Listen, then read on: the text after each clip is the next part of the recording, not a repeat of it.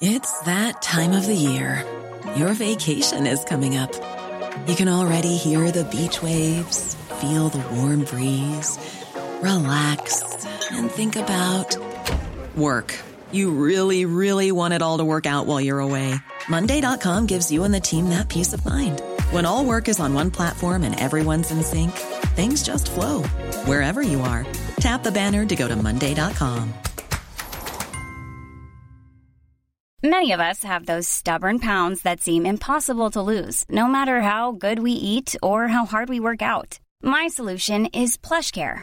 PlushCare is a leading telehealth provider with doctors who are there for you day and night to partner with you in your weight loss journey. They can prescribe FDA-approved weight loss medications like Wagovi and Zepbound for those who qualify. Plus, they accept most insurance plans. To get started, visit plushcare.com slash weight loss. That's plushcare.com slash weight loss.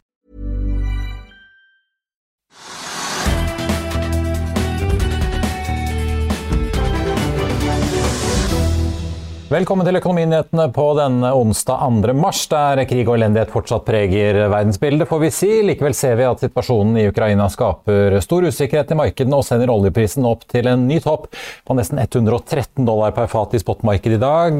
Vi ligger nå opp rundt 4% og den amerikanske lettoljen har også da gått fra først å passere 100 dollar fatet til nå å ligge over 110 dollar fatet. Det skal vi straks, snakke mer om her i Økonominyhetene. Vi får besøk av Mats Johansen, investeringsøkonom i Nordnett. Og ser vi da på hovedindeksen, så har den også fått seg en ny historisk topp i dag på 1246 poeng så langt. Drevet av denne voldsomme oppgangen i oljeprisen bl.a. Og den ligger nå opp rundt 1,2 til 1237 poeng. Vi skal også få teknisk analyse av oljeaksjen DNO, som også er da naturligvis i vinden. Like før sending ble det altså bekreftet at arbeids- og inkluderingsminister Hadia Tajik eh, trekker seg. Hun sier 'jeg beklager, jeg betaler ekstra skatt og jeg går av'. Tajik, som også er nestleder i Arbeiderpartiet, gikk jo til angrep på Aftenposten før publisering av en sak der før VG kom på banen sist søndag og avslørte hvordan hun hadde fått tildelt skattefri pendlerbolig i perioden 2006 til 2010, basert på en leiekontrakt hun aldri benyttet. Tajik sier i dag at hun ønsker å fortsette som nestleder, og hun har også i ettertid sagt at hun pendlet mellom Rogaland og Oslo og hadde krav på bolig, men at hun også skulle betale tilbake skattefordelen som hun mottok. På børsen i dag så har flyselskapet North Atlantic, som planlegger å eh, prøve seg igjen på langdistanse mellom Europa og USA til lavpris, sluppet sin kvartalsrapport. Flysatsingen til Bjørn Tore Larsen eh, tapte 69 millioner kroner i andre halvår, og flyselskapet fikk jo da levert sitt første fly nå i desember, og planlegger å starte billettsalget sitt i slutten av denne måneden. Totalt har Norse Atlantic tatt levering av syv fly, og selskapet melder at de venter på ytterligere åtte fly nå i løpet av første halvår. Aksjen er ned litt over 2,5% så langt i dag. Flere norske selskaper fortsetter å enten bremse eller trekke seg ut av Russland. Norsk Hydro melder i dag at de har besluttet å ikke inngå nye kontrakter knyttet til russiske produsenter inntil videre. Dette skyldes da invasjonen av Ukraina og sanksjoner pålagt Russland av EU og andre land. Aksjen er oppe 2,5 i dag på en solid aluminiumspris. Aksjelutions melder også at de etter over 20 år i Russland heller ikke vil starte arbeid med nye prosjekter mens invasjonen pågår. Aksjelutions er jo da bl.a. involvert i LNG-prosjekter i landet. Den aksjen er opp over 4,5 i dag. Og så har OPEC blitt ferdig med sitt eh, marsmøte, men det kommer ingen hjelpende hånd til oljemarkedet, for de holder seg til planen om å øke produksjonskvotene sine med 400 000 fat per dag i april. Tirsdag bestemte jo Det internasjonale energibyrået seg for å frigjøre 60 millioner fat olje fra sine lagre, hvorav USAs del vil utgjøre 30 millioner fat. Og så har Oslo Børs godkjent tilbudsdokumentet fra Jon Fredriksens Hemen Holding om å kjøpe alle aksjene i riggselskapet Northern, Northern Drilling for 17 kroner aksjen. Tilbudsperioden varer fra 2. til 30. mars og priser Northern Drilling til 272 millioner kroner. Før budet ble kjent, var verdsettelsen på 226. En annen nyhet som også er interessant å merke seg i dag, er meldingen som kom fra bilprodusenten Ford. Vi har jo sett at ulike olje- og energiselskaper har tatt grep for å utnytte den ulike prisingen man får på grønn og fossil energi i markedet. F.eks. hvordan Aker Solutions har skilt ut havvind og karbonfangst i egne selskaper, eller hvordan flere mener at Equinor må deles opp i en grønn og oljedel. I bilbransjen har vi jo sett hvordan prisingen av Tesla har vært helt eventyrlig høy og langt over de andre bilprodusentene, selv om eh, både Toyota og Ford ligger milevis foran i antall produserte biler. Og I dag eh, melder Ford altså at de vil skille ut elbilvirksomheten sin i en egen intern divisjon, og at bensin- og dieselvirksomheten forblir som en egen enhet. Dette skal både øke inntjeningen og akselerere elbilveksten, ifølge Ford selv. Innen 2023 skal Ford også rapportere elbilvirksomheten som eh, i et eget Eh, regnskap. Før vi går videre i sendingen, husk at du også kan se sendingene våre ved å gå inn på fa.no-tv, og at vi også har andre podkaster enn bare Økonominyhetene, som Morgenkaffen, Gründerpodkasten Veien hit, Ukens vintips, Kunstpraten og bilpodkasten Mil etter mil. De finner du ved å søke Finansavisen der du hører på podkast. Før vi tar imot dagens gjett, så skal vi se nærmere på hva som nå skjer på bakken i Ukraina. For etter et eh, missilangrep midt i byen Kharkiv tirsdag morgen, frykter man nå fra både amerikansk og alliert hold at Russland er i ferd med å endre taktikk og trappe opp intensiteten i invasjonen sin. Bare se her. Western military officials are warning that Moscow's invasion is entering a new, more deadly phase, uh, with Russian forces likely to use more indiscriminate tactics to suppress resistance. Joining us now is Bloomberg's Europe correspondent Maria Tadeo to take stock. Uh, Maria, good morning. Where do officials see this going in the next 48 hours then? Well, Anna, as you say, there is now a very real concern that this war is going to escalate. And we've seen the pictures over the past 24 hours. These are some of targets that are not just military anymore. You're looking at local governments being uh, targeted at monuments, of course, that are very connected to the history and the legacy of Ukraine, but also residential uh, buildings and office space. This is unrelated to what a normal war uh, would look like. It's not just military targets, as I say. And a lot of this, of course, officials say responds to the fact that we're now stretching into a week long uh, war. The Russians, of course, had predicted that this was going to be a quick military operation. We're now running, as I say, into a lengthy uh, conflict. And of course, the longer you stay in Ukraine without achieving or reaching the targets that Russia says it wants, then it means that you're running into a conflict that is becoming more expensive, that your troops can run out of fuel, that they can run out of food. And this, of course, means that the Russians have every incentive right now to go more brutal, to be more severe, and to try to achieve these goals, as I say, as quick as possible. The West, of course, says the more severe and brutal you are to civilian populations, the more repercussions that Russia, which is already pretty much in isolation across the world, will suffer. Good morning, Maria. Are there any more sanctions likely to come soon? Well, Mark, this again takes us back to the point we were referring to. If you are brutal to the civilian population, if we do see cities where there is no access to food, water, and we see this military escalation, I guess it's very fair uh, to say that the conversation is already changing into uh, more sanctions and more forceful response on Russia, and perhaps now a debate around what to do with the energy sector and what to do with those very particular but very key industries that still connect Russia with the Western economy. An official told me this war is changing nature, and it also means that the repercussions on the package will also probably get bigger in the next few days. Hiring for your small business? If you're not looking for professionals on LinkedIn, you're looking in the wrong place. That's like looking for your car keys in a fish tank. LinkedIn helps you hire professionals you can't find anywhere else, even those who aren't actively searching for a new job but might be open to the perfect role. In a given month, over 70% of LinkedIn users don't even visit other leading job sites. So start looking in the right place. With LinkedIn, you can hire professionals like a professional. Post your free job on linkedin.com slash people today. I'll see you in court. Vi sier det ofte litt på spøk, men for deg som driver business, er det aldri moro å innse at du ikke har laget en 100 gyldig kontrakt. Du bør ikke risikere hele firmaet ditt fordi du synes dette med kontrakter er litt stress. En avtale er ikke en avtale. Du kan miste kunder, miste venner, ja, til og med miste inntekter om du ikke lager en skikkelig kontrakt, på alt mulig, egentlig. Men vi vet det er et styr. Kopimaskiner, tregprinter og haugevis av papir. Dessuten stoler vi jo på folk her i landet.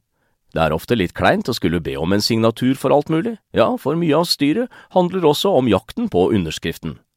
Det finnes en enkel måte å løse dette på, Dukkobit. En trygg, effektiv og get this, gratis måte å sikre seg en god natts søvn pluss en juridisk bindende avtale.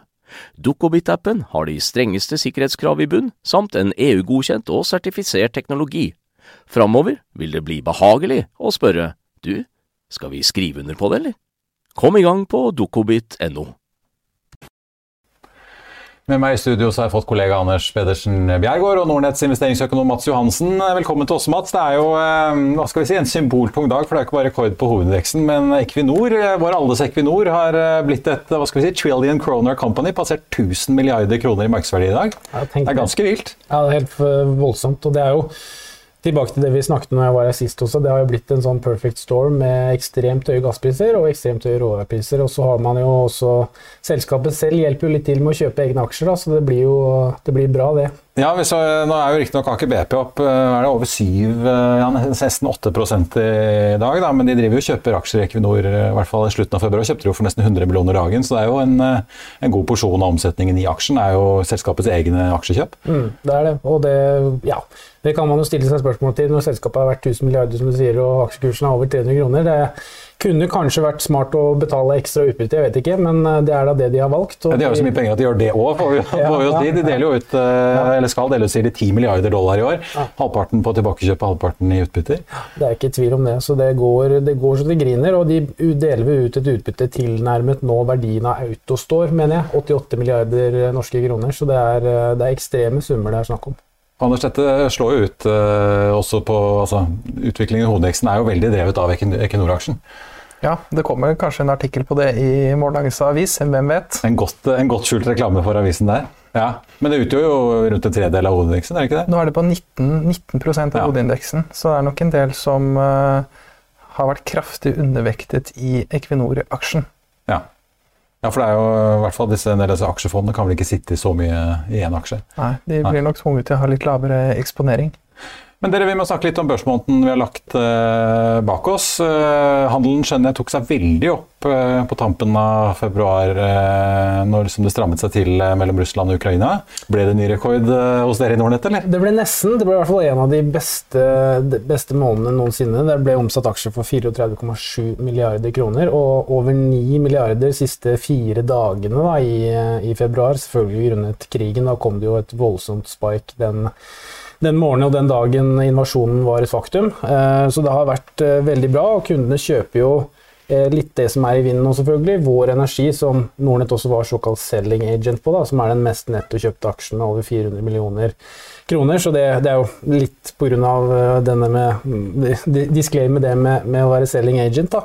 Men så har man jo Aker BP, man har Equinor, Telenor, så man kjøper jo disse litt mer trygge selskapene. og de som dessverre da er litt krigsprofitører, sånn som situasjonen er nå. da. Det er kanskje Kongsberg Gruppen som jo har fått seg en voldsom oppgang eh, de siste dagene?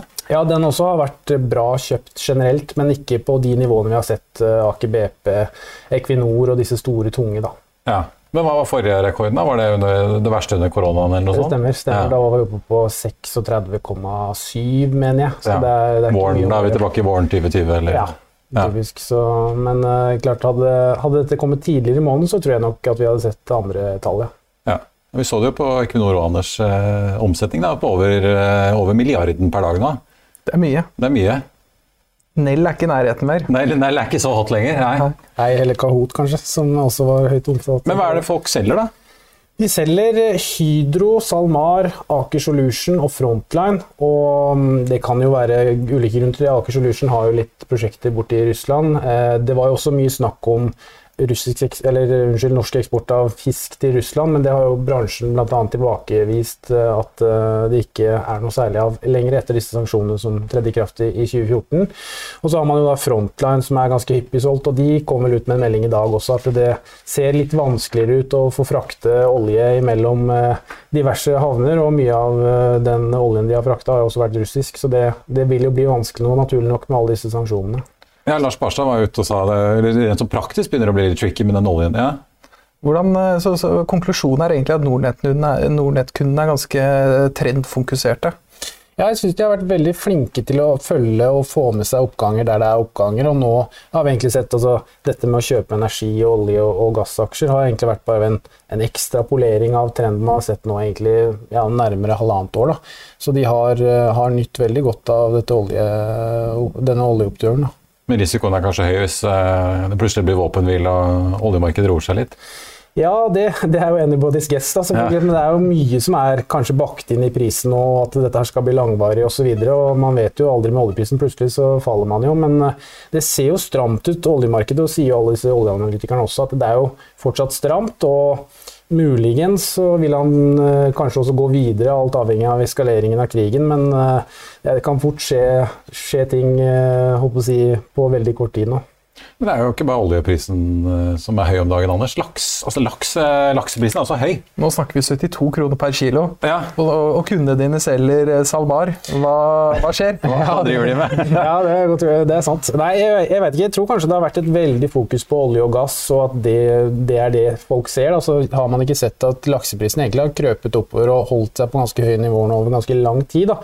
Og så er det mulig at det var en reaksjon på dette med, med sanksjoner og Russland, at man så en eller annen form for Eh, mulig obstacle der, da. Men eh, ja, er vanskelig å si. Men eh, nå har jo disse lakseselskapene også gjort det for så vidt relativt bra det siste året også, da. Så det kan også være litt gevinstsikring inne i bildet. Ja.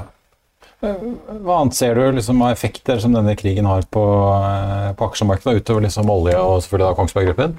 Nei, Vi har jo sett et par dager nå med et uh, lite rally grønnaksjer. For de sier jo det at uh, altså, man kan vinkle det på to forskjellige måter. At verden er veldig avhengig av olje og gass, og man må produsere mer av det. Eller så kan man si også at uh, man trenger enda mer fornybare investeringer. Da. Og det er det jo mange som har tatt til orde for, og det har jo også hjulpet si, flere disse store, tunge vindselskapene, Vestas, Ørsted osv. har jo vært kraftig opp også. har vi sett også på disse mer Euronex Growth-aksjene i, i, i, Norge. Da. Så det er eh, flere mulige måter på det, men jeg, det er stort sett nå store, tunge råvareselskaper som kundene kjøper, og så er det litt mindre interesse blant disse mer tidligere favorittene, sånn eh, Kahoot og det er ja, disse Euronex Growth-aksjene som var gode i 2020. da.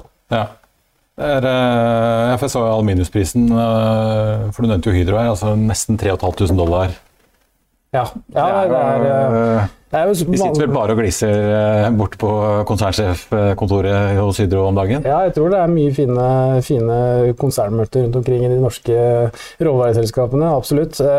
Grunnen til at de selger Hydro, det er vanskelig å si, selvfølgelig. Er det sånn gevinstsikring? Ja, jeg tror mye, mye, er nok det. Eh, mange som har vært med lenge i Hydro. Det har vært en aksje som kundene begynte å kjøpe egentlig for godt over et år siden. og Da har man jo fått med seg en voldsom oppgang, så det kan godt være at man har redusert litt eksponering generelt i aksjemarkedet nå med tanke på at det er litt utrygge tider og, og ingen vet helt hva som skjer. Da. Ja.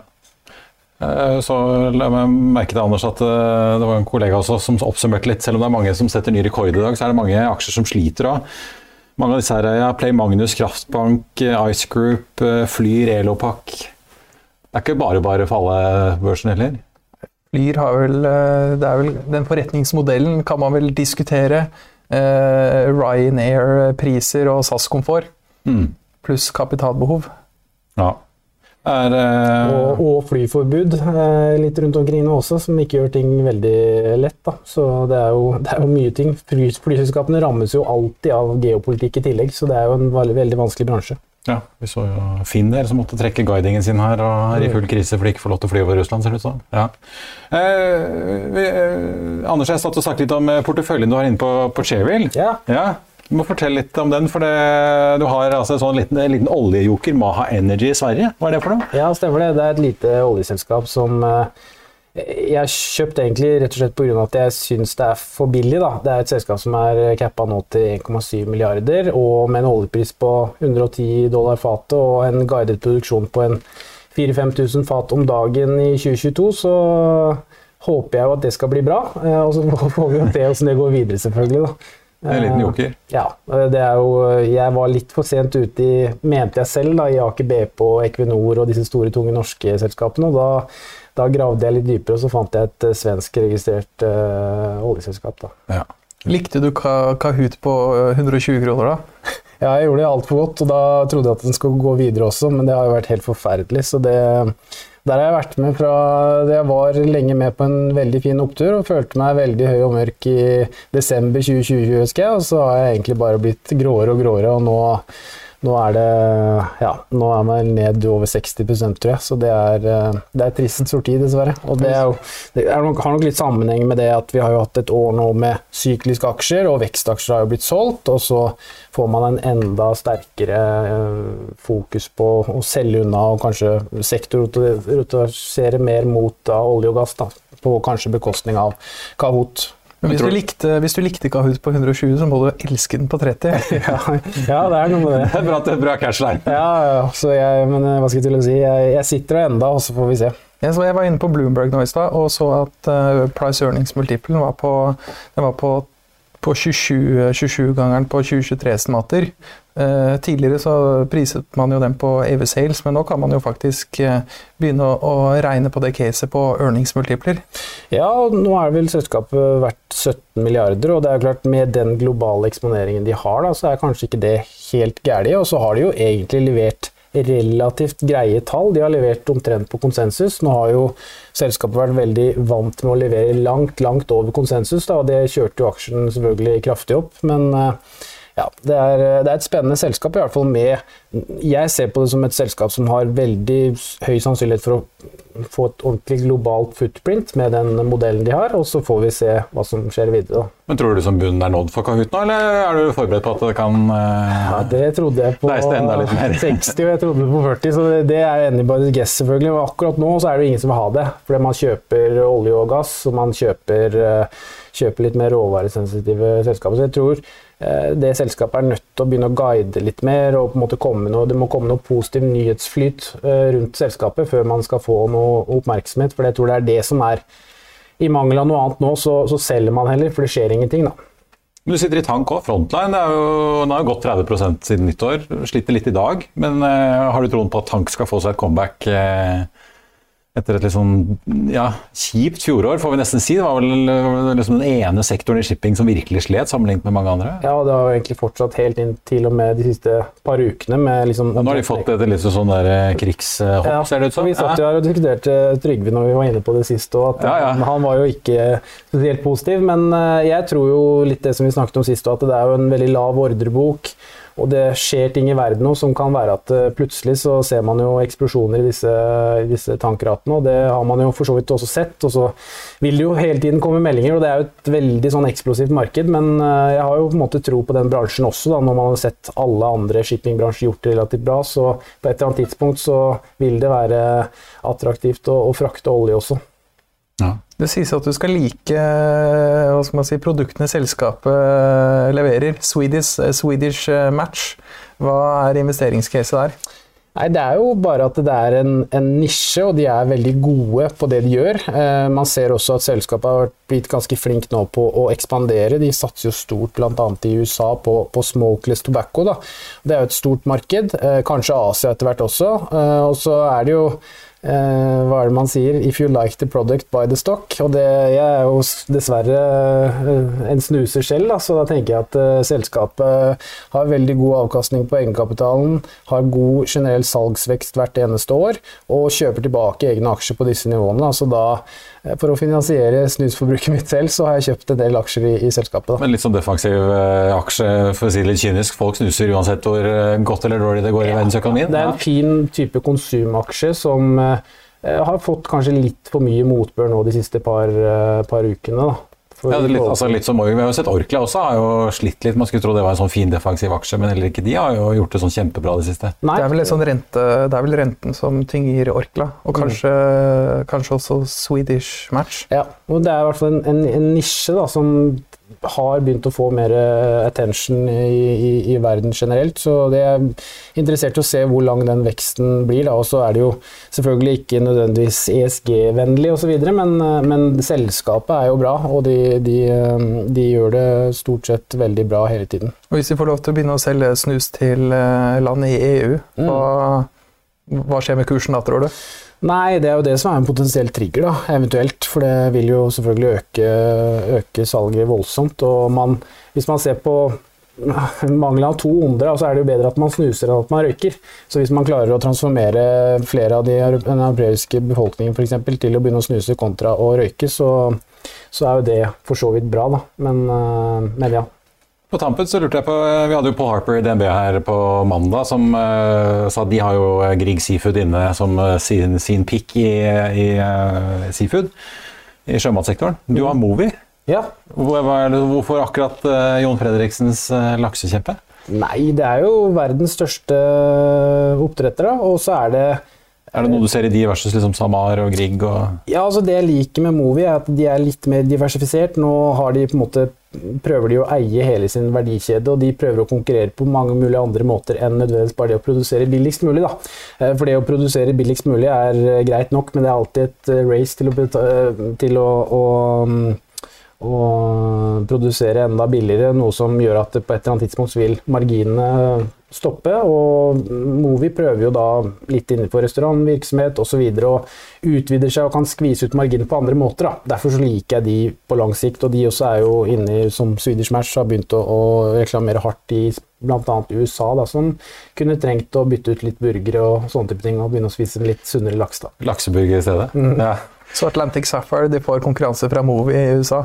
Ja, det kan godt være. De eh, ser det er, det, er ikke, det er litt vanskeligheter der også nå, så det blir spennende med, med landbasert generelt. Da. Det er jo flere av de selskapene notert på, på Oslo Børs, så vi får se hvordan det går. Det har jo foreløpig vært eh, litt oppstartsproblemer. så får vi se hva fremtiden bringer. Ja, det er derfor noen eh, oppdrettere som spent går og venter på at flytrafikken over Atlanteren tar seg opp igjen, så de får litt billigere fraktrater. Mm. Mats Johansen i Nordnett, takk for at du kom til oss som. Takk. Vi får ta med et par makrotall på slutten av sendingen. Veksten i olje- og gassprisene har jo da gitt voldsomme eksportpriser for Norge, og nå har SSB gjort opp regning for 2021. De melder om tidenes løft i norsk nasjonalinntekt. I 2021 økte norske bruttonasjonalinntekten med 788 milliarder kroner, eller 22,2 den disponible realinntekten økte enda litt mer, med 24,2% Det kommer altså frem i nasjonalregnskapet fra SSB. Også, dette er jo en ekstrem kontrast fra 2020, da den disponible realinntekten falt med 8,5% Og Så får vi også ta med noen tall fra andre siden av Atlanteren. For før eh, de offisielle jobbtallene fra USA kommer på fredag, så har vi nå fått Eh, de såkalte ADP-tallene for sysselsettingen i privat sektor i USA. De viser en vekst på 475 000 sysselsatte i februar. Det er eh, godt over forventningen på 400 000, melder CNBC.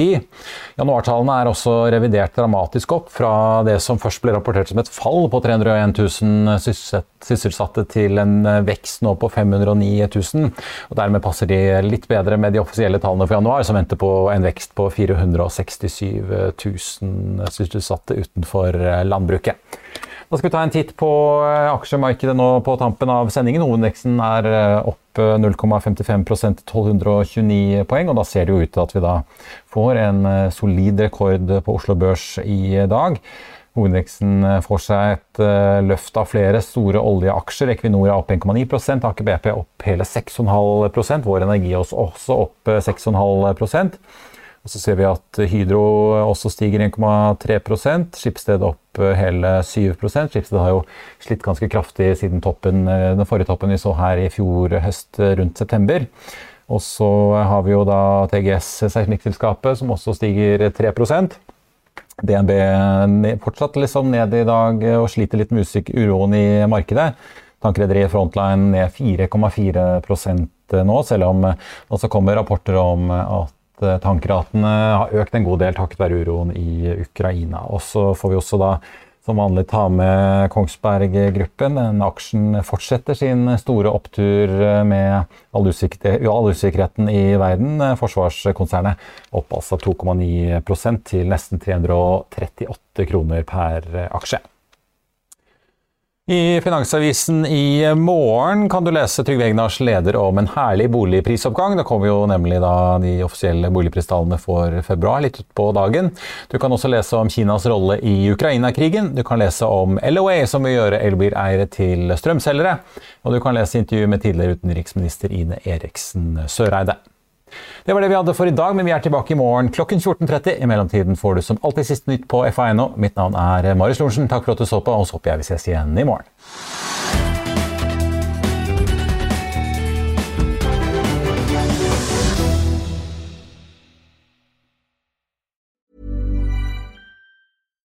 Hi, I'm Daniel, founder of Pretty Litter. Cats and cat owners deserve better than any old fashioned litter. That's why I teamed up with scientists and veterinarians to create Pretty Litter. Its innovative crystal formula has superior odor control and weighs up to 80% less than clay litter.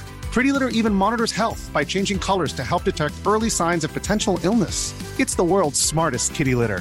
Go to prettylitter.com and use code ACAST for 20% off your first order and a free cat toy. Terms and conditions apply. See site for details.